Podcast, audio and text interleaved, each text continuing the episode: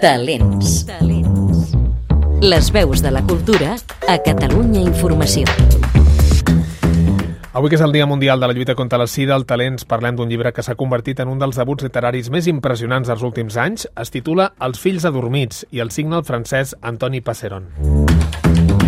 Montse Camps, Montse, molt bon dia. Bon dia. És una obra, una obra que eh, publica l'altre editorial en català, Libros de l'asteroide en castellà, i que, de fet, el que fa és parlar de la història familiar, familiar de Passerón, oi? Sí, parla en concret del seu tiet, en Desiré, que va morir amb 36 anys a causa de la sida quan l'autor en tenia 4. Els avis de Passerón, els pares del tiet, vivien en un poble rural francès i quan el fill gran es va posar malalt ningú sabia pràcticament res del que era la sida, era tot just al principi i ho veien ells com una cosa llunyana. Desiré, Desiré era drogadicte i la seva família, els pares, van viure amb molta solitud i molta incomprensió tot aquell procés. Anys després, Antoni Passerón ha volgut explicar amb aquesta novel·la tot aquest drama que van viure i el principal problema és que dins la família ningú n'havia parlat mai.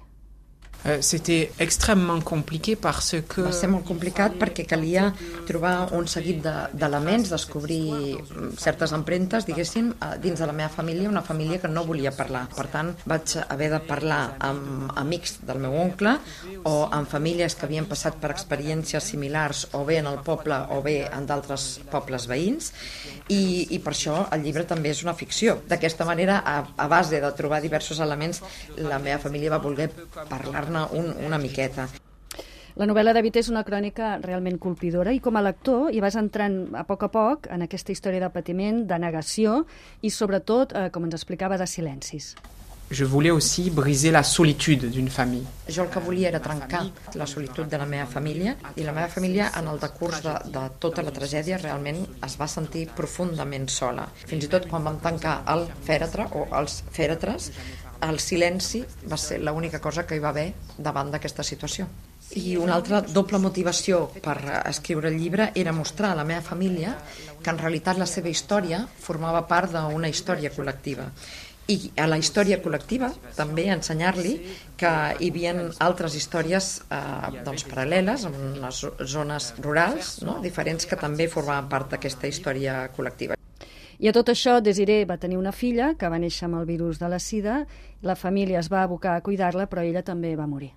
Quand ma cousine est morte, euh, j'avais environ 10 ans et je regardais Quan la meva, la meva cosina va morir, jo tenia 10 anys i aleshores jo mirava molt a la televisió històries de fantasmes. I després de la seva mort, doncs jo tenia por precisament que el seu fantasma em vingués a veure. I quan es feia fosc en seguida obria els llums i per, per no tenir aquesta por o de nit doncs em posava el coixí sobre el cap. Amb el temps, en canvi, vaig sentir la decepció de veure que el seu fantasma no em venia a veure i per tant vaig comprendre que la seva desaparició havia estat total. Per tant, d'alguna manera també el llibre és anar a la cerca del seu fantasma. Clar, la història d'Antoni Passerón devia ser la de moltes persones en aquella època, estem parlant, em veig el llibre que és de l'any 83, sí. ell per tant té 40 anys, en aquella època, si tot això sí, va passar quan tenia quasi 10 anys, sí. estem parlant de finals dels 80, sí, principis sí, dels 90, al principi de tot plegat, que tot era molt, molt incert i no sabíem exactament no, què estava passant, no? Movien, sí. I, i, I la novel·la, eh, pel que sé, eh, Montse, combina capítols on s'explica la història de la família, de la Desidre, aquesta història terrible que explicaves, i alhora els inicis de les investigacions sí. mèdiques, no? Sí, ho va combinant i ho fa molt bé. Eh, clar, parla de, com tu deies, quan es van començar a viure els primers casos a França i els metges els que van començar a investigar eren molt joves, mhm, curiosament. Mm -hmm, I ells pràcticament no rebien ajuda de ningú, ens ho explicava així. Ce que je voulais, c'est aussi mi era molt important retre homenatge a aquests metges donant força detalls, com, com es veu en el llibre, de qui va fer les primeres recerques, qui, com es van anar identificant els virus, com es van anar identificant tractaments i, i teràpies, eh, perquè, bé, efectivament hi ha gent avui dia que segueix vivint amb la sida, però que pot mantenir una vida, entre cometes, normal, insisteixo, si més no, a Occident, gràcies a, aquest, a aquesta valentia, a aquesta recerca feta pràcticament sense eines de metges que van treballar en una situació i en un context molt difícil. I de tot plegat en surt aquesta novel·la que tens a les mans, que és breu, mm. és molt poderosa. 215 sí, pàgines. És molt sí. ràpid. És molt honesta, és emotiva, però no és lacrimògena, i la família, en concret la mare, ja l'ha pogut llegir. Parfois, quand je retrouve ma famille, je sens que ma mère...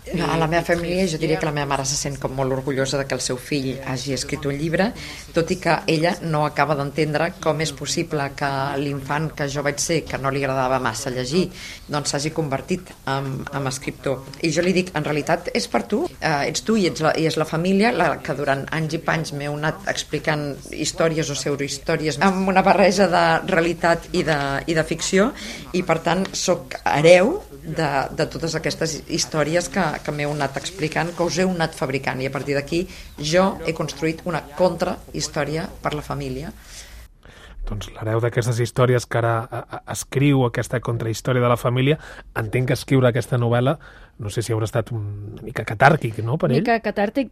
Ell diu que expressar tota, tot el patiment, mm, tota la incertesa, perquè, clar, ell era petit i no sabia què estava passant clar. a la seva família, tots aquests dubtes, diu que a través de la paraula, doncs sí que l'ha ajudat le fait d'écrire nous Crec que seria mm, demanar-li massa a la literatura que pogués resoldre tots els nostres traumes, però d'una manera paradoxal la literatura o l'escriptura, tot i no resoldre els traumes, sí que ens permet aprendre a viure amb els nostres traumes.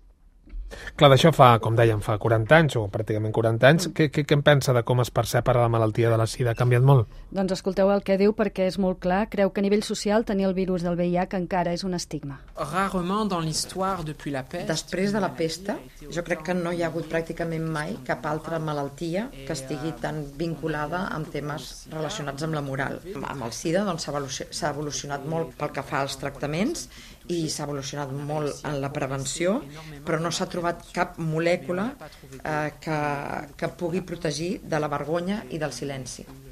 En aquest sentit, mm, la sida era com un doble verí, un verí d'una banda biològic, però d'altra banda també social. I pel que fa a aquesta vessant social, doncs no hi hem trobat cap antídot. Doncs aquesta és la novel·la que, que avui us presentem, mm. que Passeron, que és professor, ha guanyat molts premis amb aquesta primera novel·la, és un debut, l'aplaudiment de la crítica, de moment s'ha traduït a sis idiomes, està previst fer-ho a 16 més, mm. i també es convertirà en una sèrie.